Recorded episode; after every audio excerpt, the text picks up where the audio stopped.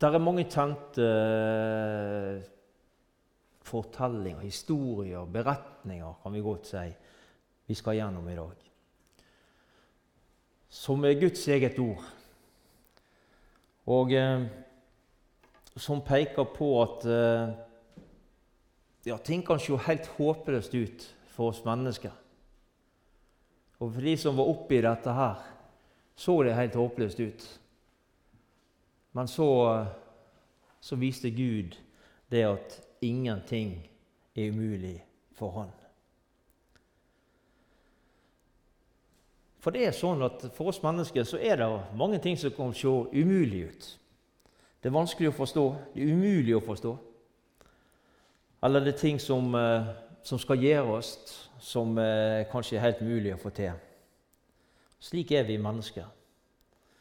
Vi har våre begrensninger. Men alt som eh, virker umulig for oss, det er fullt mulig for Gud.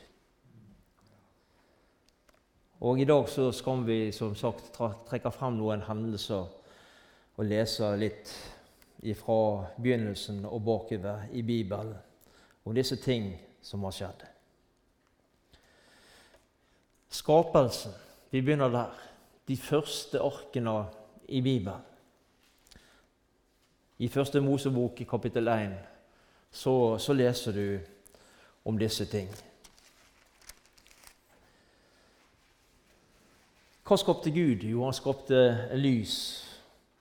Han skilte lyset fra mørket, slik at det ble dag og natt. Han skapte himmel og jord med alt det som er på land. Hav, sol og måne og stjerner, fugler og fisker, dyr på jorda, og så skapte han det mest unike mennesket. Og Det var en svært spesiell måte han skapte mennesket på. Og I første Mosebok kapittel 2 og fra vers 7 eh, skal vi lese. Vi skal lese vers 7, og så skal vi gå til vers 21 og 22 kapittel 2 og ifra vers 7. Og Herren Gud eh, formet mannen mann av jord fra marken og blåste livspust inn i hans nese, så mannen ble til en levende skapning. Og ifra vers 21. Da lot Herren også en dyp søvn komme over mannen og mens, han, han sov, tok han et av hans ribbein og fylte igjen med kjøtt. Av det ribbeinet Herren Gud hadde tatt fra mannen, bygde han en kvinne, og han førte henne bort til mannen. Det er jo, eh, det er jo vanskelig å forstå for oss, for forstanden vår, at dette her virkelig har skjedd. At det var på den måten Gud skapte mannen. Og det var på den måten han skapte kvinnen. Det kan være umulig for oss mennesker å forstå. Tanken og forstanden vår den, den, den, klarer liksom ikke å følge med i nettopp dette. Og mange mennesker benekter at dette har skjedd. De tror heller at det er et eh, stort Big Bang som har, som har skjedd, og som har skapt og forma de tingene som vi ser rundt oss. Jeg skal ikke si noe mer om det i dag, men eh, vi kan bare se ut rundt oss ute. Fra våren til eh, sommeren og høsten og alt det som skjer. Og så kan vi stille spørsmålet om dette her er tilfeldig, det som vi ser med vårt eget øye. Det er ingenting som er tilfeldig. Ingenting. Ingenting er umulig for Gud. Han er suveren. Det har han vist gang på gang.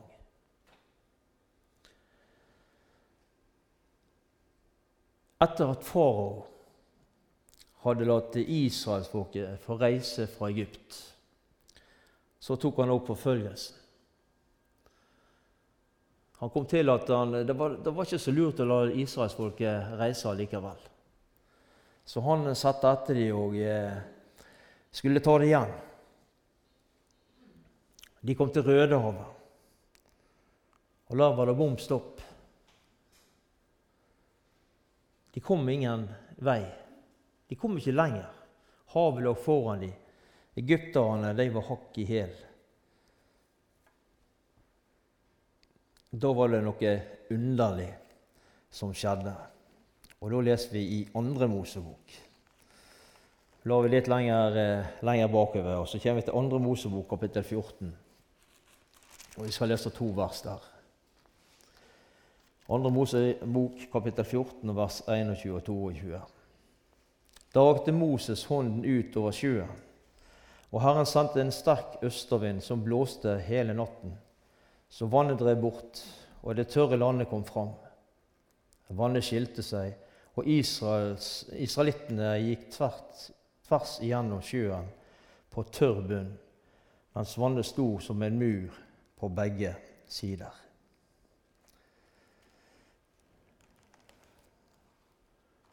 Det var et håpeløst utgangspunkt for, eh, for israelittene denne, denne, dagen her, når de ikke kom lenger pga. vannet. Og eh, de hadde egypterne i, i hakk i hæl. Og så, eh, så, forteller Gud til Moses hva han skal gjøre. Og det skjer, det som, han, det som blir sagt. Vannet deler seg, og de får gå tørrskodd gjennom Rødehavet. Det det er jo ufattelig å forstå. Det er jo vanskelig å skjønne for oss mennesker dette her, at dette har skjedd. Men så viser Gud også sin suverenitet, at ingenting er umulig for Han, også ved det som skjedde her ved Rødehavet. Vi går til første Samuels bok, og vi går til kapittel 17 der. Og vi husker denne kjente, kjente beretningen som vi har eh, snakka om, mange av oss, eh, til de unge, til barna osv. De som har søndagsskolen, de har hatt den på søndagsskolen i årevis. Det er denne fortellingen mellom, ja, eh, om David og Goliat. Og vi kjenner det. Og, ha, og, vi, og, vi, kjenner til mange av disse historiene som vi skal gjennom, og som du har lest. Hvordan Gud eh, griper inn i forhold til, eh, til, sitt eget folk. Og berger dem og redder dem fra ja, situasjoner som eh, så helt totalt håpløse ut.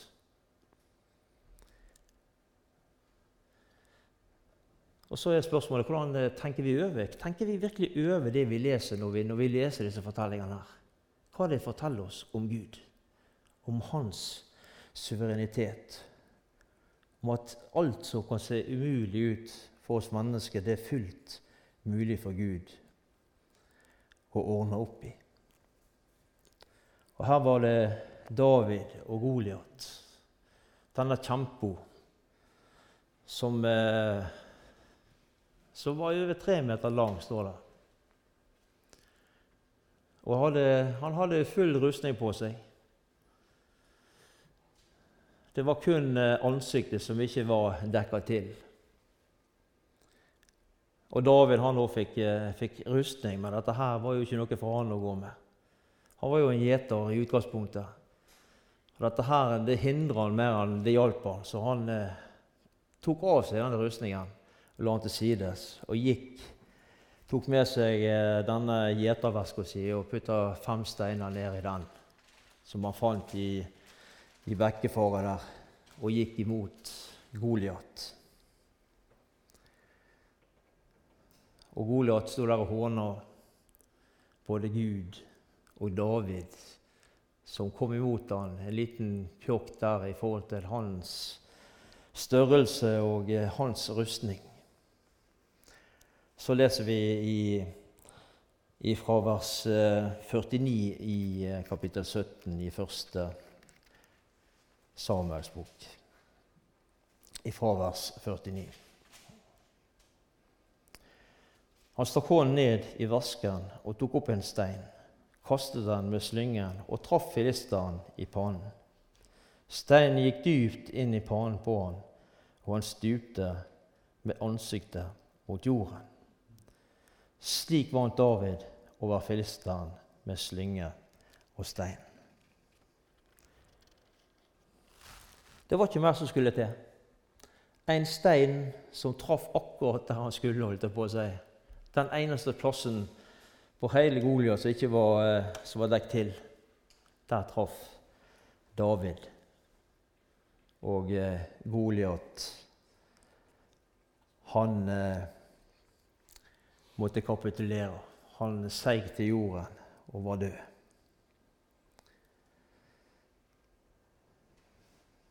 Vi kjenner til eh, Daniel når vi går lenger bak i Bibelen.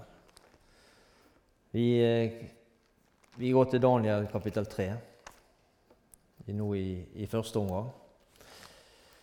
Og der, eh, der, ser vi litt om leser vi litt om, om Daniel og disse, disse, vennene hans. Jeg skal ikke lese noe der nå, men du, du, du, jo, du kan historien, og du vet hva, hva som står der disse vennene, disse tre vennene til Daniel. Daniel og disse her guttene, de, de, ja, de eh, brøt det påbudet som, eh, som, kongen hadde gitt om å tilbe denne gullbilledstøtten som han hadde laga. Og det ble kasta i ildovnen, står der. Men ilden gjorde ingenting med dem. Ikke var håret svidd, og ikke var klærne uh, brent. Og det lukta ikke noe brent av dem engang. Gud grep inn når Daniel ble kasta i, i ildovnen. Og så leser vi i uh, kapittel 6 i Daniel. Vi skal lese i, uh, i kapittel 6 og vers 17. Ja, Vi skal lese 17, begynnelsen av vers 17, så skal vi lese fra vers 20 og noen vers nedover. Så befalte kongen at de, de, skulle hente Daniel og kaste han i løvehulen. Så går vi til vers 20. Tidlig om morgenen, så snart det lysnet, sto kongen opp og eh, sto, kongen opp og eh, kom bort til, til han og, og skyndte seg bort til løvehulen. Da han kom bort til han, ropte han bekymret ned til Daniel og sa til han, 'Daniel, du som er tjener for den levende Gud, har din Gud, som du stadig dyrker, kunnet frelse deg fra løvene?' Da svarte Daniel, 'Kongen leve evig.' Min Gud sendte sin engel og lukket løvenes skap, så de ikke har gjort meg noe vondt. For jeg er funnet uskyldig for Han og mot deg, konge, har jeg heller ikke gjort noe galt. Da ble kongen eh, overmåtelig glad og bød at de skulle dra Daniel opp av hulen. Da de hadde dratt eh, Daniel opp, fantes ingen skade på han, for han hadde satt sin lit til Gud, til sin Gud. Det umulige og det utrolige har skjedd også her når Daniel ble kasta i, i løvehulen, som var en sikker død, der det var sultne dyr som gikk og venta bare på å få, mat. Så opplevde Daniel at Gud lukka munnen på disse løvene. Og Det viser det at uh, ingenting er umulig for Gud. For mennesket så ser det kanskje ja, det ser merkelig ut, dette her. Det er utrolig, og det er vanskelig å forstå at det har skjedd.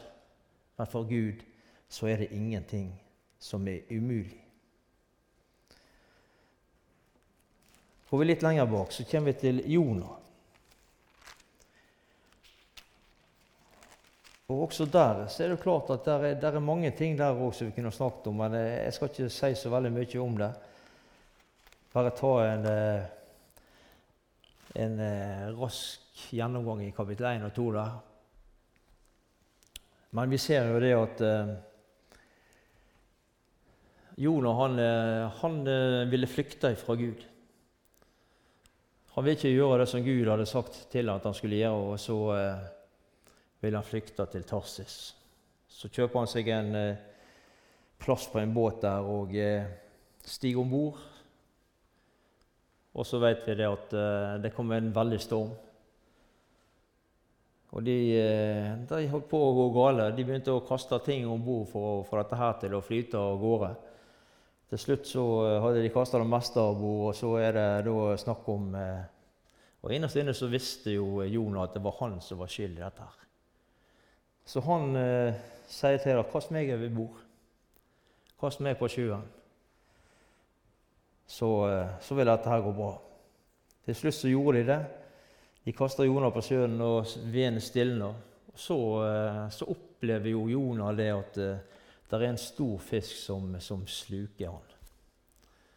Vi har, jo, vi har jo sett illustrasjonene når vi har hatt søndagsskole osv. Det, det står ikke noe hva slags fisk dette her er. Noen sier det er et hai og en hval og det, det, er mye greier, men altså, det vet vi ingenting om. Men en stor fisk slukte Jonah, og han eh, var i buken på denne fisken i tre dager og i tre natter. Og så ba Gud til Jonah for å fortelle dette kort, og så, eh, så, eh, så taler Herren til fisken, og, og han spyr Jonah opp på land. Det er jo helt utrolig. For det første at du lever i en buk i en fisk i tre dager og tre netter, og så plutselig så blir du spydd opp på land. For oss er det jo vanskelig å forstå dette. Men for Gud så er det ingenting som er umulig. Ingenting. Kanskje du, du er her i dag som har eh, som har opplevd ting som eh, Ja, som virker helt utrolig. Som egentlig eh, er vanskelig å, å, forstå.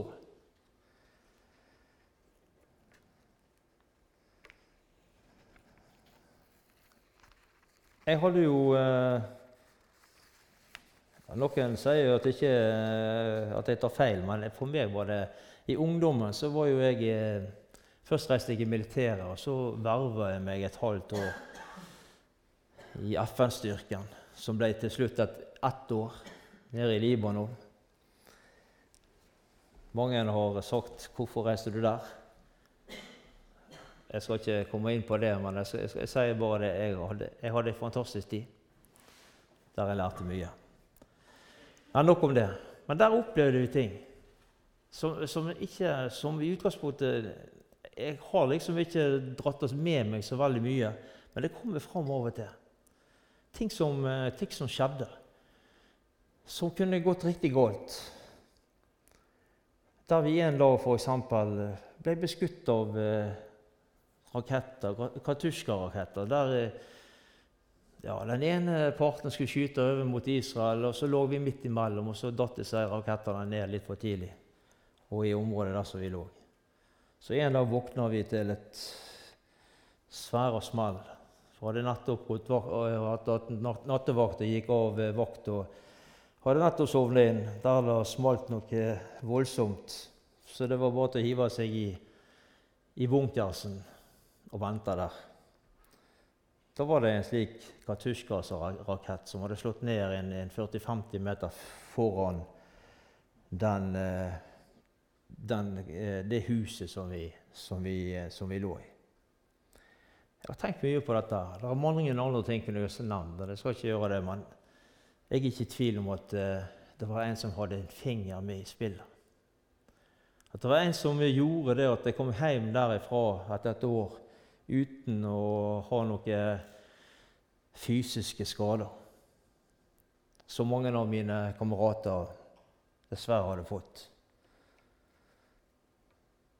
Så jeg er ikke i tvil om at det er en som har en finger med i spillet.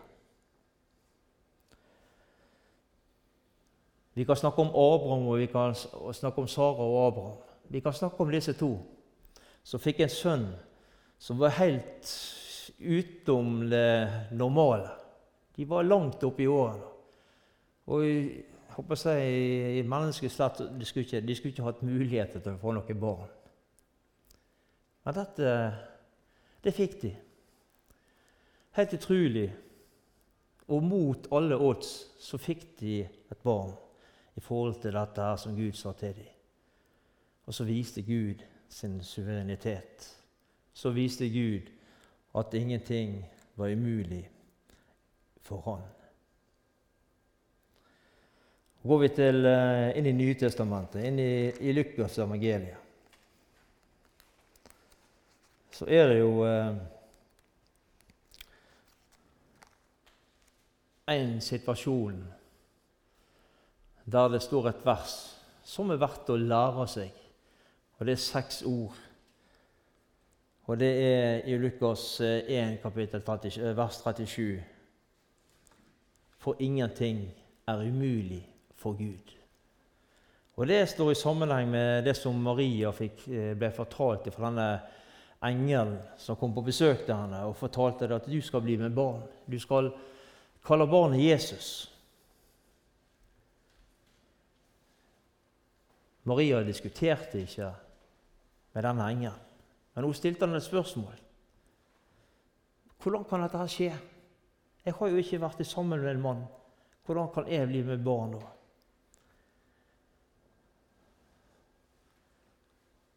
Så kan vi lese videre om Maria godtar dette svaret som hun får.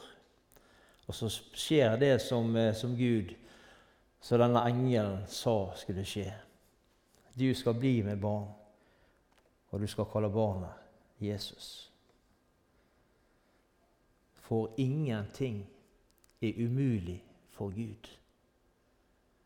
Det var i utgangspunktet umulig, men ingenting er umulig for Gud. Vi kan gå til Matteus, kapittel 14. Der, eh, der leser vi om eh, da Jesus metta 5000 mennesker, foruten barn eller kvinner og barn, står det. Og Så kan vi tenke Hvor mange kunne det vært der? Det kunne nok vært kanskje rundt en, eh, en 10 000 mennesker, uten at vi vet det. Og så ser vi, eh, så ser vi hva de hadde til, til mat å gi disse menneskene. Kapittel 14 i Matteus, vers 19 21 skal vi lese.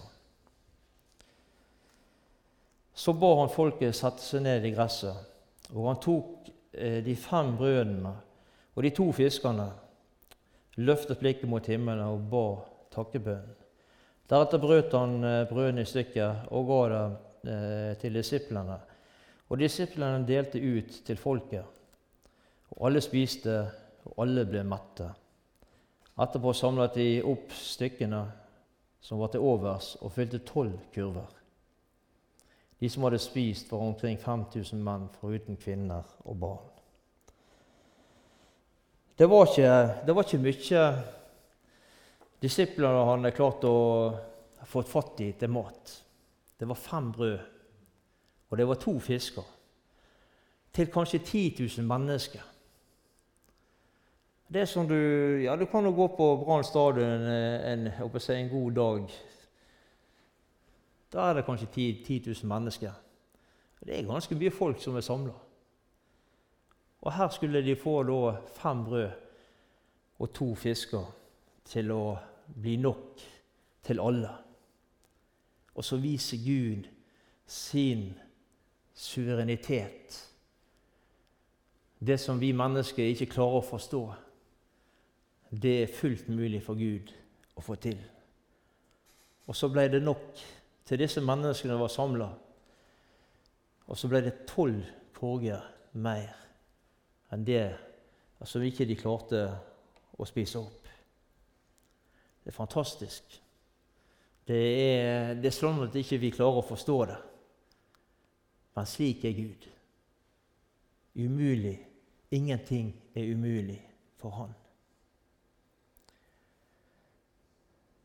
Vi kan holde oss i Matteus 14, og vi kan uh, gå litt lenger ned. og Så ser vi det at uh, i uh, kapittel 14 i Matteus og i vers 24, eller fra vers 22, da, så, så, er det denne fortellingen når Jesus går på vannet. Og vi kjenner jo alle denne fortellingen òg. Der eh, disiplene var lagt ut på, det var litt eh, Det var litt bølger og litt sånn eh, dårlig vær. Og så eh,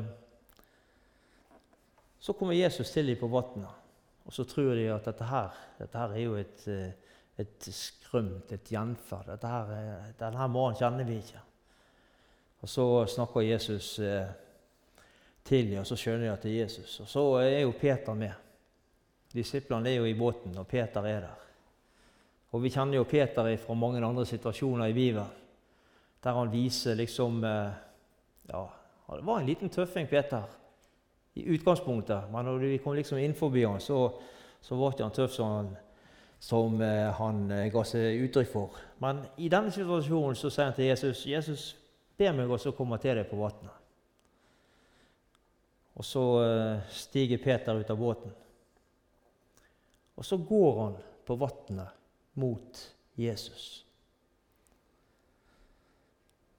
Det er jo helt unaturlig at det skulle skje. Det er helt sikkert mange av dere som var bada i sommer. Når det har vært i vår og i sommer når det har vært så fantastisk fint vær. Varmt og godt. Og så har dere gått ute på vannet. Men dere har i hvert fall ikke gått opp på vannet. Dere har nok, eh, Tyngdekraften har nok eh, vært der til stede. at Dere har nok eh, subba borte ved bunnen til der det ikke gikk an til å gå lenger. Men her så går Peter på vannet mot Jesus. Og Gud han viser at det vi ikke klarer å forstå med vår egen tanke, det er fullt mulig for Han å utretter.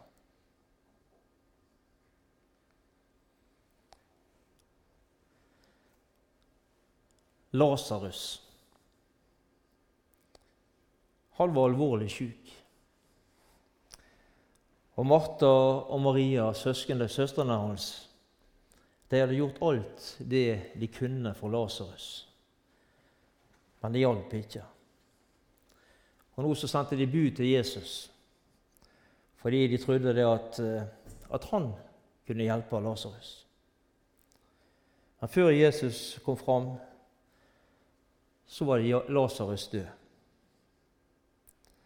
Og når vi går inn og leser i Johannes kapittel 11,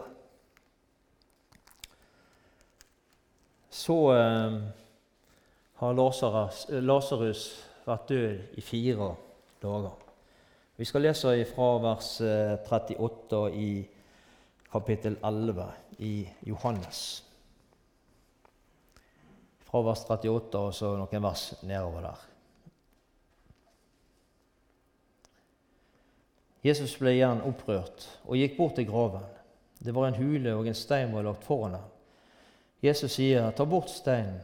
'Herre', sier Martha, den dødes søster, 'det lukter alt av han.'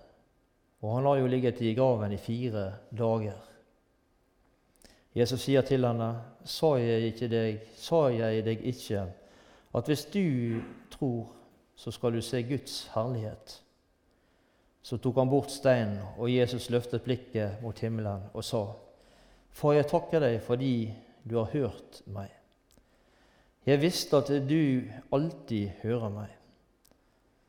Men jeg sier dette for folkets skyld, som står omkring, så de skal tro at du har sendt meg. Så ropte han med høy røst, Lasarus, kom ut. Da kom den døde ut med livssvøp rundt hender og føtter og med et klede bundet over ansiktet. Løs han og la han gå, sa Jesus.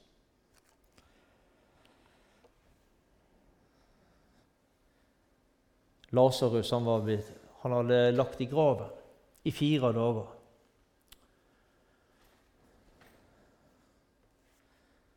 Og så, eh, så viser Gud at han kan gjøre under slik som han gjorde under i, i den, på den tiden, så kan han også gjøre under i dag. Han vekker opp Lasarus fra de døde. Og eh, han kommer ut fra graven og eh, er sammen med dem. Helt imot eh, alle folks forstand. Men allikevel så er for Gud dette til. Han er suveren. Han er den som, eh, som fikser alt. Det er ingenting som er umulig for Gud. Så kan vi ta mange, mange flere, flere ting her. Men vi kan ta f.eks. denne blinde mannen som satt der, og som ikke hadde sett, som var født blind. Og så, sier, så lager Jesus en, en deig av spytt og jord. Rører dette sammen og tar det på øynene til denne blinde. Og ber han å gå i, i siloen og, og, vasker seg eller dukke seg der. Og så får han syn igjen. Og så er, det, så er det sånn at vi mennesker forstår ikke dette. her. Hvordan kan du få syn igjen med å bruke noe spytt og noe jord og kneker deg på øynene og vaske seg? Her også viser Gud at ingenting er umulig for Han. Jesu død og oppstandelse.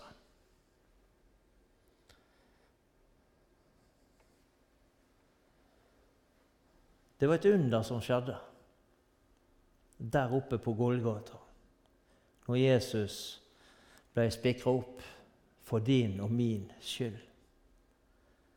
Så døde han, og så ble han lagt i en grav. Og så sto han opp igjen ifra graven, og så lever han i dag. Helt imot all sunn fornuft som vår tanke kan forstå. Men Gud gjorde dette mulig.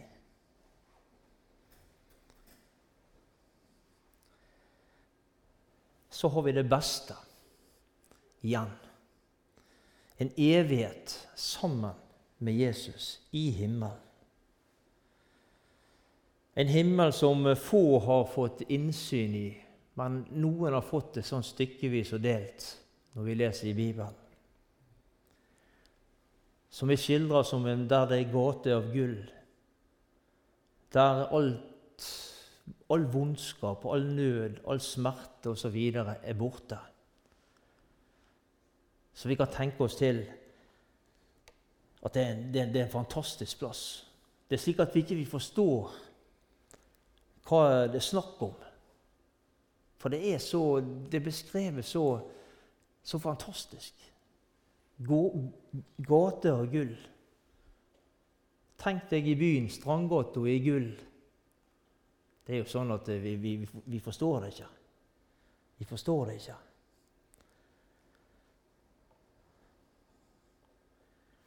Men allikevel så har, eh, så har Gud, så har Jesus gjort i stand dette her for oss. Én dag. Én dag.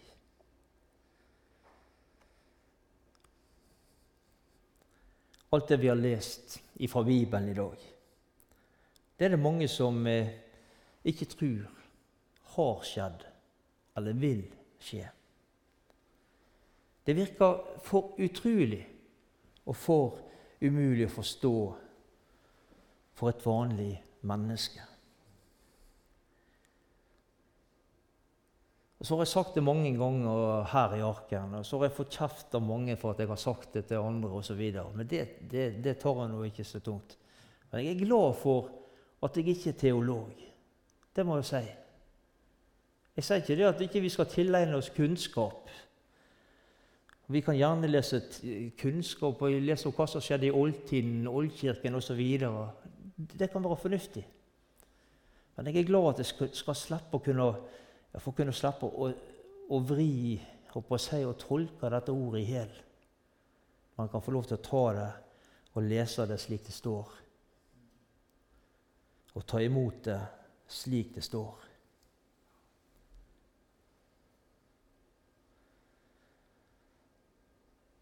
Hebreabrevet kapittel 11, vers 1 skal vi avslutte med i dag.